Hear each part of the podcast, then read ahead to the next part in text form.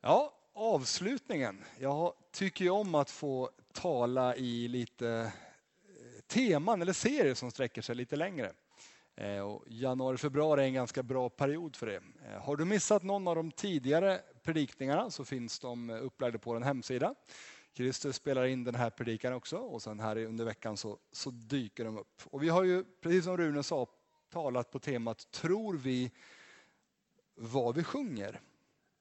Att det vi sjunger uttrycker vad vi tror. Alltså vi väljer sånger som, som uttrycker vad vi tror och som Rune sa så ska vi tala, eller jag ska tala utifrån den här sången Blott en dag och det är ju en fantastisk psalm som har fått vara med och bära människor, trösta människor eh, i snart 200 år. Det är inte illa. En del sånger de känns som att de lever för evigt. De har ett budskap eh, som bär. Och just Lina Sandell, eller Lina Berg som hon hette som gift, kommer vi utgå ifrån i en gudstjänst den 23 april. Då vi kommer sjunga hennes sånger och tala om hennes liv. Så skriv upp det i din almanacka den 23 april Då blir det en gudstjänst som bygger på Lina Sandells sånger. Jag ska läsa texten som eh, vi precis sjöng. Blott en dag, ett ögonblick i sänder. Vilken tröst vad en som kommer på. Allt ju vilar i min faders händer skulle jag som barn väl ängslas då. Han som bär för mig en faders hjärta, han ju ger åt varje nyfödd dag. Dess beskärda del av fröjd och smärta, möda, vila och behag. Själv han är mig alla dagar nära, för vad särskilt tid med särskild nåd. Var dags bekymmer vill han bära, han som heter både kraft och råd. Morgondagens omsorg får jag spara, om en oviss syns min vandringsstig. Som din dag så ska din kraft och vara, detta löfte gav han mig. Hjälp mig då att vila tryggt och stilla, blott vid dina löften, Herre kär. Ej min tro, ej den tröst förspilla, som i ordet mig förvarad är. Hjälp mig Herre att vad helst mig händer taga ur din trogna faders hand. Blott en dag, ett ögonblick i sänder tills jag nått det goda land. Vi ber tillsammans. Herre, tack att vi får samlas till gudstjänst här och vi, vi samlas för att, för att du är här, för att du har någonting som du vill säga till oss här genom det vi säger och det, genom det vi sjunger och det vi säger till varandra också Herre. Jag ber att du ska tala under den här gudstjänsten Herre. Tack att du kan tala hopp och tro till den som på ett speciellt behöver höra det just den här förmiddagen Herre. Tack att du är här med din heliga Ande också Herre. Amen. Om det är något som jag tycker präglar våran tid så är det inte det den här sången uttrycker. Utan det som jag tycker präglar våran tid det är oro. Nu vill inte min fjärrkontroll. Nu kom det, tack. Oro tycker jag präglar våran tid. Vi hör om, om flyktingkatastrofer, om eh, terror, om ekonomi som är gungning. Vi oroar oss för framtiden, för min hälsa, för mina barn, för miljön. Hur ska, det, hur ska det bli? Hur ska det bli för mina barn att växa upp? Hur ska det bli för mig att bli gammal? Vi människor vi oroar oss väldigt mycket. Vi lever i en väldigt orolig tid. Jag tycker att hela vår tid är präglad just av ordet oro. Och oro, åtminstone hos mig och jag tror även hos dig, sätter sig på insidan. Alltså oro det är liksom någonting som, som, kan, som kan uppfylla en människa, som kan nästan ta över mig när jag oroar mig för någonting. Och när jag oroar mig för någonting så, så, så sätter det sig på insidan och jag sover dåligt. Jag är lättretlig, jag är grinig, jag är inte mig själv. Oron har en förmåga att, att nästan ta över. Man blir rastlös. Det är som att det kryper i kroppen. Och vi söker som människor botemedel för oro. Man eh, håller på med mindfulness, man går till yoga, man tar medicin, man, man tränar, man rör sig. Man gör vad man kan som människa för att hålla oron borta. Om inte borta så åtminstone i schack. så här mycket får oron ta min tid. Men oro är någonting som, som präglar och kan ta över oss människor. Och vilken kontrast oro är mot den sång som vi precis sjöng. Om att allting vilar i Guds händer. Att Gud är nära, att han har lovat ge kraft för varje ny dag. Precis den kraft som den dagen behöver. De sånger som, som överlever över tid, det tror jag är sånger som, som är där författarna har fått uppleva någonting. Och Lina Sandells, jag tror nästan alla hennes sånger har nästan blivit tidlösa. Vi sjunger dem om och om igen. Och hon, hon fick uppleva någonting som fick prägla hennes sånger. Hon hade absolut inget lätt liv. Som liten så var hon, hon var ofta sjuk. Hon var till och med förlamad under en period. Så hennes barndom fick hon tillbringa inomhus. Framförallt i hennes pappa, han var präst i hans bibliotek och studierum och titta ut på fönstret för vad de andra barnen lekte och gör som, som barn ska göra. Medan hon var där inne för, för trött eller för sjuk för att orka vara ute. Hennes föräldrar betydde jättemycket för henne och båda dog innan hon fyllde 30 år. Hon gifte sig ganska sent i livet, fick ett barn och barnet dog. Hon var sjuk även som vuxen, så sjuk så att hon inte orkade jobba med det hon älskade, att vara redaktör och sammanställa tidningar, framförallt kristna tidningar. Hon var märkt av livet och ändå så kan hon skriva sång efter sång som uttrycker tröst, hopp och som har lugnat och, och tröstat och ingett mod till tusentals människor. Vi sjunger dem ofta i samband med begravningar eller när, när livet har gjort oss illa. Då hämtar vi tröst ifrån hennes sånger. Hon hade fått uppleva någonting som, som satt på insidan och som kom ut i både ord och i musik. Att Gud bär igenom allt. Bibelns vanligaste uppmaning, jag har sagt det här tror jag många gånger, det är inte jag älskar dig, det är inte jag förlåter, utan Bibelns vanligaste uppmaning det är var inte rädd. Var inte orolig, frukta inte. Och det sägs gång efter gång efter gång i Bibeln i, i olika sammanhang och i olika tider. Och vi ska få se några bibelord här bakom mig på väggen. Gud säger till Josua i Josua 1 och 9, var då inte förskräckt eller förfärad, ty Herren din Gud är med dig vart du än går. Och genom Moses så säger Gud, var starka och frimodiga, var inte rädda eller förskräckta för dem, ty Herren din Gud går själv med dig. Han ska inte lämna dig eller överge dig. I klagovisorna så skriver Jeremia, du kom mig nära när jag åkallade dig och du sa, frukta inte. Salmisten säger i psalm 56, när fruktan kommer över mig förtröstar jag på dig. Med Guds hjälp ska jag prisa hans ord. På Gud förtröstar jag och fruktar inte. Vad kan det som är kött göra mig? Och Gud säger genom Jesaja, Jesaja 41 och från vers 10. Frukta inte, ty jag är med dig. Se dig inte ängsligt om, ty jag är din Gud. Jag styrker dig, jag hjälper dig, jag uppehåller dig med min rättfärdighets högra hand. Och i vers 13. Ty jag är Herren din Gud som fattar din högra hand och som säger till dig, frukta inte, jag hjälper dig. Bibeln är fullproppad av sådana här uppmaningar som säger Gud finns där för dig. Du behöver inte vara orolig, du behöver inte vara rädd. Var du än möter så har Gud lovat att stå vid din sida. Och jag har läst att det finns en sån uppmaning för varje dag. 366 uppmaningar i Bibeln som säger oroa dig inte, var inte rädd, frukta inte. Och nu när jag förbereder den här predikan så börjar jag titta efter, stämmer det här? Och jag har ju inte räknat själv, jag har ju gått till andra som har räknat. Och de som har räknat säger nej det stämmer inte. Det står ännu fler gånger.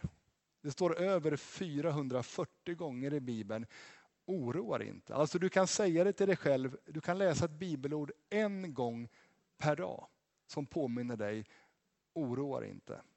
Frukta inte, Gud är med dig. Och på de här extra besvärliga dagarna så kan du läsa två. Och det räcker ändå till. Gång efter gång efter gång så vill Gud ingjuta det här i oss. Vi behöver inte oroa oss, vi behöver inte frukta för att Gud finns bredvid oss, framför oss, bakom oss och runt omkring oss. Och jag tror Gud han vet precis hur du och jag funkar. Och därför säger han det så ofta. Det som är viktigt till våra barn, det säger vi ju många gånger. Och Gud är våran far och han säger det som är viktigt till oss många, många gånger. Och jag tror att Gud är den enda, den enda som kan hjälpa mig att ta bort min oro. Övningar och, och, medicin och andra saker kan absolut till viss del hjälpa. Men jag tror att Gud är den enda som kan ta bort den oro som präglar oss människor. Jag tror att det handlar om att lägga våra liv i Guds händer och att luta oss emot de här bibelorden. Att ha våran blick fäst på Jesus. För jag tror att det ligger lite av en hemlighet där. Vad har jag blicken fäst på? Man brukar säga att du, du ser det du, du, du ser det du tittar på. Alltså det jag letar efter, det är det jag ser. Alltså när jag tittar på Jesus, då blir Jesus stor. Men när jag tittar på problemen, då blir problemen stora. Och det här kan ju låta som en enkel klyscha. Ja, ja, men titta på Jesus. Nej, men så enkelt är det inte. Utan jag behöver ju faktiskt bestämma mig och försöka leva efter det. Men jag har märkt i mitt eget liv att när jag låter Jesus bli stor i mitt liv, då blir problemen mindre. Inte att de försvinner och att jag går på någon form av bred väg, att det aldrig händer några konstigheter. Men har jag blicken fäst på Jesus så blir Jesus stor. När Jesus blir stor så blir problemen mindre. Att låta Jesus bli stor i mitt liv. Det tror jag att Lina Sandell eller Lina Berg, det hade hon upptäckt. Att Jesus han blev stor i hennes liv och han kan få vara stor i ditt och mitt liv också. Ibland så är Jesus stor så länge bekymren är långt borta. Men när bekymren kommer då blir det helt plötsligt lite knepigt. Jag ska läsa en bibelberättelse. Som eh, rubriken är Jesus går på vattnet. Det är från Matteus kapitel 14 och från vers 22. Och rubriken borde egentligen vara Petrus går på vattnet. För jag tycker att det är det stora undret.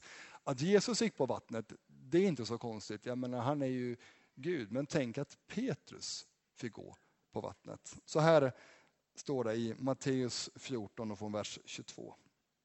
Och Jesus har precis gjort det här brödundret, mat till över 5000 människor om en liten pojkes matsäck. Så ha det liksom med dig i bakhuvudet. Strax därefter befallde han, alltså Jesus, sina lärjungar att stiga i båten och fara före honom, och före honom fara över till andra sidan sjön medan han själv sände iväg folket. Sen gick han upp på berget för att få vara för sig själv och be.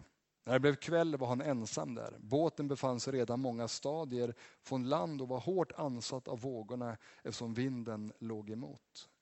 Vid fjärde nattväkten kom Jesus till dem gåendes på sjön. När lärarna fick se honom gå på sjön blev de förskräckta och sa, det är en vålnad och de skrek, så rädda var de. Men genast sa Jesus till dem, var lugna, det är jag, var inte rädda. Petrus sa, Herre om det är du så befall att jag ska komma till dig på vattnet. Jesus sa, kom. Petrus steg ur båten och han gick på vattnet fram till honom. Men när han såg hur häftigt vinden låg på blev han rädd och började sjunka. Då ropade han, Herre, hjälp mig. Genast sträckte Jesus ut handen och grep tag i honom och sa, så lite tro du har, varför tvivlade du? De steg i båten och vinden la sig och de som var i båten tillbad honom och sa, du är verkligen Guds son. Lärjungarna har ju varit med om ett, ett häftigt under, helt osannolikt. Mat till en enorm folkskara människor ifrån en liten pojkes matsäck. Då var Jesus stor. Och sen så går det några timmar, mitt i natten, och de är på väg över sjön och det, det blåser och det är obehagligt och de är rädda. Och så kommer Jesus gående till dem och Petrus, han är ju Petrus, frimodig och han, han säger Jesus, om det är du, så säg åt mig att komma. Och Jesus säger kom och Petrus kliver över relingen. Tänk att sätta foten i vattnet och märka att det bär. Jag tror alla här inne har tänkt så här, undrar om jag kan gå på vattnet. Och så har man liksom i, i badhuset eller från bryggan stoppat ner foten och så insåg man, nej det kunde jag inte. Inte den här gången heller. Men när Petrus gör det så går han på vattnet. Och Petrus han är ju en, en fiskare, han är van vid vatten. Han kunde ju simma, han har varit med om stormar förut. Men när han går fram emot Jesus så fäster han inte blicken på Jesus utan blicken på det som är runt omkring. På att det stormar och att det är vågigt. Och så blir problemen stora och Jesus liten och Petrus börjar sjunka. Vad gör Jesus då? Ja, han skrattar inte åt honom. Han säger inte, du får simma tillbaka, dumskalle. Vad gjorde du sådär för? Utan Jesus räcker ut handen, hjälper Petrus upp och så går de tillsammans till båten. Att ha blicken fäst på Jesus eller ha blicken fäst på vågorna. Det var det som var skillnaden på när Petrus gick på vatten och när Petrus inte gick på vattnet. Vad har jag blicken fäst på? Och när Petrus kommer ombord på båten, när Jesus kliver ombord i båten så står det att lärjungarna tillbad Jesus och sa du är verkligen Guds son. Jag tror att ibland så händer det saker som får mig att inse att Gud är stor. Hade de inte hänt så hade jag kanske inte insett att Gud är stor. Hade Jesus inte gått på vattnet, hade han inte gjort det omöjliga tillsammans med Petrus så hade de kanske inte sagt eller insett att du är verkligen Guds son. När någonting händer i mitt liv och det är skakigt och det är oroligt och Gud griper in, då blir Gud stor för mig. Och Gud får vara Gud och Gud blir Gud. Ibland så har vi en liten Gud. Vi stoppar ner honom i fickan och tar fram honom bara när vi behöver. Men Gud han vill vara stor. Gud är stor, men Gud han vill vara stor i ditt och mitt liv hela tiden. Och jag tror att vi ser vad vi letar efter. Har jag blicken fäst på Jesus, ja då är Jesus stor. Har jag blicken fäst på mina problem, ja då är problemen stora. Och de flesta av oss, vi skulle gärna veta vad morgondagen skulle innebära. Då skulle man kunna förbereda sig. Då skulle man kunna ladda och se till att det här klarar jag av bra. Men så funkar det inte. Gud har ju bestämt att vi får en dag i taget. Ibland får vi inte ens det, ibland får vi någon timma i taget eller en minut i taget. Gud har bestämt att så funkar det. Men vi kan veta, säger Bibeln med bestämdhet, att Gud finns med. Nästa kvart, nästa timma och nästa dag. Efter förra gudstjänsten så pratade jag och Tommy om en, om en sång. Om Levi Petrus som har skrivit sången Löftena kunna i svika. Också en så här fantastisk sång som talar tro om att när allt annat faller så står Gud kvar. Den sången skrev Levi Petrus när hans fru ligger i rummet bredvid och faktiskt håller på att dö i samband med en förlossning. Och så skriver han en sång, löftena kunna ej svika, nej de står evigt kvar. Så berättade Tommy för mig att när Lewi Petrus mot slutet av sitt liv, ungefär 60 år efter han har skrivit den här sången i ett radioprogram, tror jag det var, eller var ett tv-program. Det var ett tv-program till och med. Blir intervjuad och får en fråga om den här sången. Den här sången som du skrev för så länge sedan. Vad säger du om den sången nu? Vad säger du om, om strofen löftena kunna i svika? Då ska Levi Petrus, pastorn som grundar den svenska pingströrelsen, ha svarat förut så trodde jag. Nu vet jag. Alltså att veta att Gud håller. Inte bara tror det, utan jag har upplevt, jag tror att många av er också har upplevt det här, att det håller. Att Gud bär. När allt annat hopp var ute, ja, men då grep Gud in. Inte som jag trodde, kanske inte som jag ville, men Gud lämnar dig och mig inte ensamma. Var inte rädd, var inte orolig. Det hade erfarenheten lärt Levi Petrus och det kan erfarenheten också få lära dig och mig. Den sång som vi sjöng här i början av gudstjänsten, det var bilden på Levi Petrus. Ja. På dig min Gud förtröstar jag, sjöng vi, när oro skymmer min morgondag. För jag vet du är trofast emot mig. När svårigheter omger mig så är jag ändå trygg hos dig, för jag vet att du aldrig lämnar mig. Är det natt eller dag, Herre, på dig förtröstar jag. Gud, du är alltid nära mig. Ingen förändring finns hos dig. Du är densamme igår, idag och evighet. Du är min framtids säkra grund. Du som står fast vid ditt förbund. Min klippa är du, allsmäktig Gud. Jag ärar dig. Gud håller. Det är vad jag skulle vilja skicka med. Det är vad de här sångerna vill skicka med. Gud håller. Oavsett om du befinner dig i en situation där det är skakigt och det är gungigt och ingenting är som det borde vara. Så vill jag påminna dig om att Gud håller. Det är inte att stoppa huvudet i sanden och säga att allting kommer bli bra. Utan vi kan få uppleva, vi kan få veta, vi kan få förstå att Gud håller. Gud är medveten om det som du och jag går igenom. Gud vet om det. Och Gud har lovat att han ska stå tillsammans med dig vad som än händer. Hos honom finns det ingen förändring. Den Gud som kunde gripa in igår kan också gripa in idag. Den Gud som grep in igår kan också gripa in imorgon. Det har han lovat. Det är Bibelns vanligaste uppmaning. Var inte rädd. Frukta inte. Vi behöver inte vara rädda för det vi möter. Men vi behöver vara rädda om vår gudsrelation.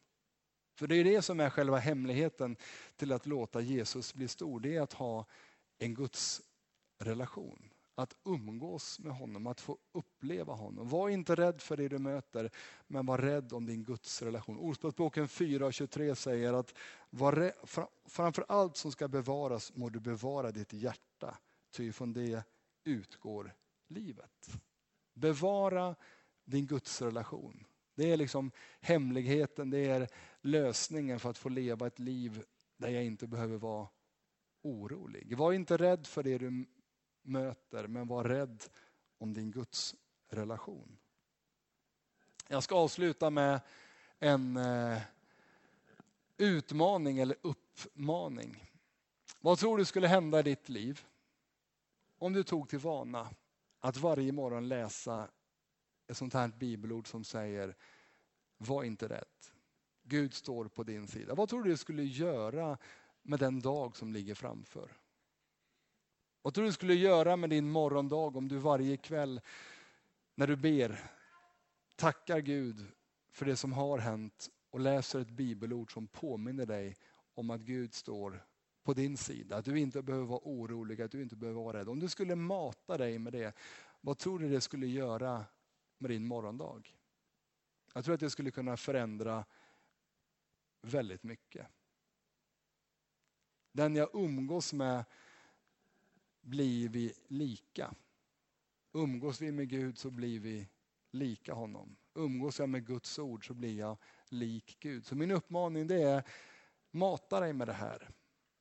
Mata dig med uppmaningen om att Gud bär, att Gud finns där, att du inte behöver vara rädd eller orolig. Jag tror att det kan få betyda väldigt, väldigt mycket i våra liv.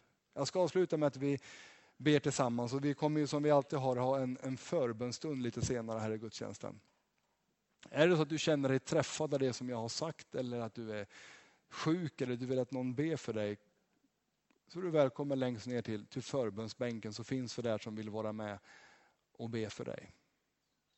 Herre, tack att vi oavsett var vi befinner oss i livet kan få luta oss emot dig, Herre. Och Herre, det är det som jag ber att det ska få finnas kvar efter den här predikan, att du håller och när vi lutar oss emot dig så, så faller vi inte, Herre. Vi behöver inte vara rädda för morgondagen, men vi ska vara rädda om vår Guds relation, Herre, tack att du är, du är mest mån om att vi ska ha en bra relation med dig. Herre, du var villig att ge allt för att vi skulle få ha en relation med dig. Du var villig att, att offra ditt liv för att vi skulle få ha en relation med Gud. Herre, tack för vad du gjorde och tack, tack vare det så får vi ha tillträde till Guds tron. Herre, vi får säga och vi får ropa och vi får ha umgås med Gud. Herre. Tack att du har lovat att alltid vara nära oss. Herre.